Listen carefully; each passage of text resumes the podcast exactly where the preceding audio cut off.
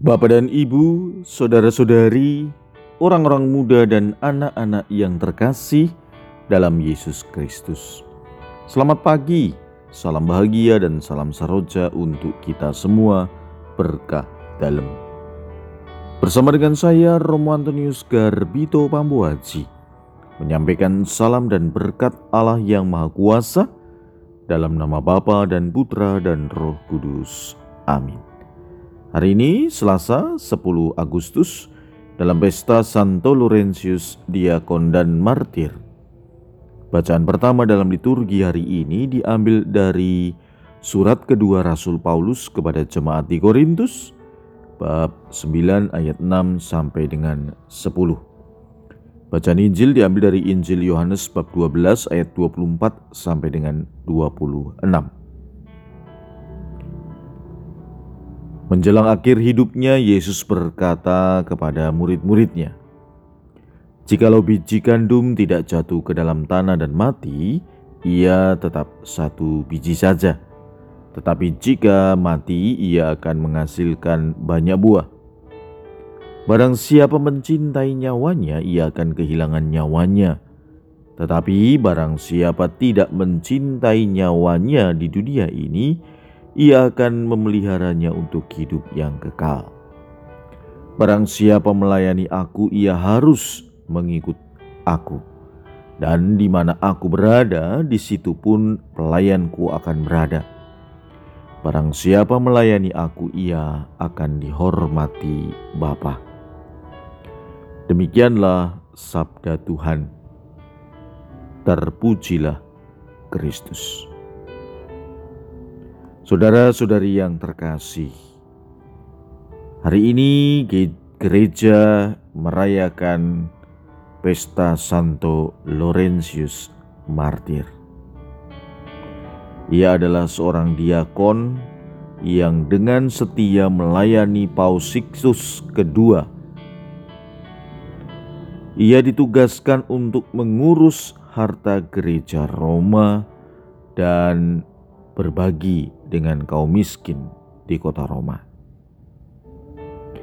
Ketika Paus Sixtus ditangkap, Diakon Laurentius berjanji untuk menemaninya. Karena diketahui sebagai pengurus harta gereja Roma, ia dibujuk untuk menyerahkan semua kepada pemerintah kota harta kekayaan gereja. Pemerintah Roma tersinggung terhadap ungkapan dari Laurentius yang menyatakan bahwa harta kekayaan gereja itu adalah kaum miskin. Ia mengatakan bahwa inilah harta kekayaan gereja. Karena keberanian Laurentius menyatakan hal ini, maka ia dibakar hidup-hidup. Saudara-saudari yang terkasih, Injil Yohanes yang kita dengarkan tadi mengajak kita untuk merenungkan bahwa hidup iman kita akan menjadi mulia kalau dalam hidup di dunia ini ada pengorbanan dari kita. Kemenangan tanpa penyerahan tidak ada buah tanpa korban. Hanya dengan mengorbankan hidup, orang akan mendapatkan hidup itu. Sebaliknya, orang yang mencintai hidupnya sering kali didorong oleh dua macam tujuan: nafsu mementingkan diri sendiri dan keinginan untuk menjadi aman ada satu pemahaman bahwa orang perlu membiarkan diri untuk ditanam seperti gandum di dalam tanah, menanggalkan kepentingan diri dan mau menjadi pribadi yang menghasilkan buah bagi sesama.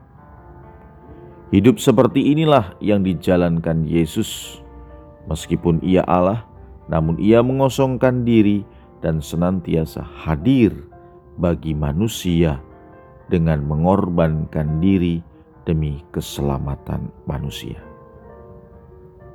Cara seperti inilah juga yang diikuti oleh Diakon Laurentius.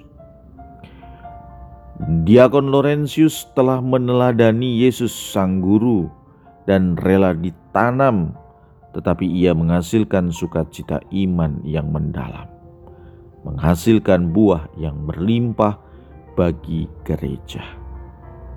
Saudara-saudari, belajar dari Santo Laurentius hendaklah kita bermurah hati kepada Tuhan dan sesama. Ia merelakan diri dibakar hidup-hidup. Tidak demikian juga harus kita dibakar hidup-hidup. Yang penting adalah kita belajar untuk setia kepada Kristus dan setia kepada sesama. Diakon Laurentius menabur kebaikan dan kasih kepada Tuhan dan sesama. Maka harapannya demikian juga dengan kita. Menabur kasih, mengorbankan diri demi Tuhan dan sesama. Ketika kita menabur kebaikan, maka kebaikan itu sendiri akan datang kepada kita. Seperti bumerang. Sabda Tuhan hari ini menjadi penyemangat, motivasi, membangkitkan semangat hidup kita sebagai pengikut Kristus. Orang yang sungguh-sungguh mengimani Kristus adalah mereka yang berani mengorbankan diri dengan berbagi kepada sesama. Dari Kristus kita belajar, dari Santo Laurentius kita belajar, dari Kristus kita selamat, dari Santo Laurentius kita diajarkan untuk demikian. Marilah kita berdoa. Ya Tuhan Yesus yang baik, tolonglah kami agar mau dan mampu memilih mengikut Engkau dengan sepenuh hidup hati kami. Kami ingin mengosongkan diri, agar dengan demikian kami dapat melayani sesama. Berkat Allah yang Maha Kuasa, dalam nama Bapa dan Putra dan Roh Kudus. Amin.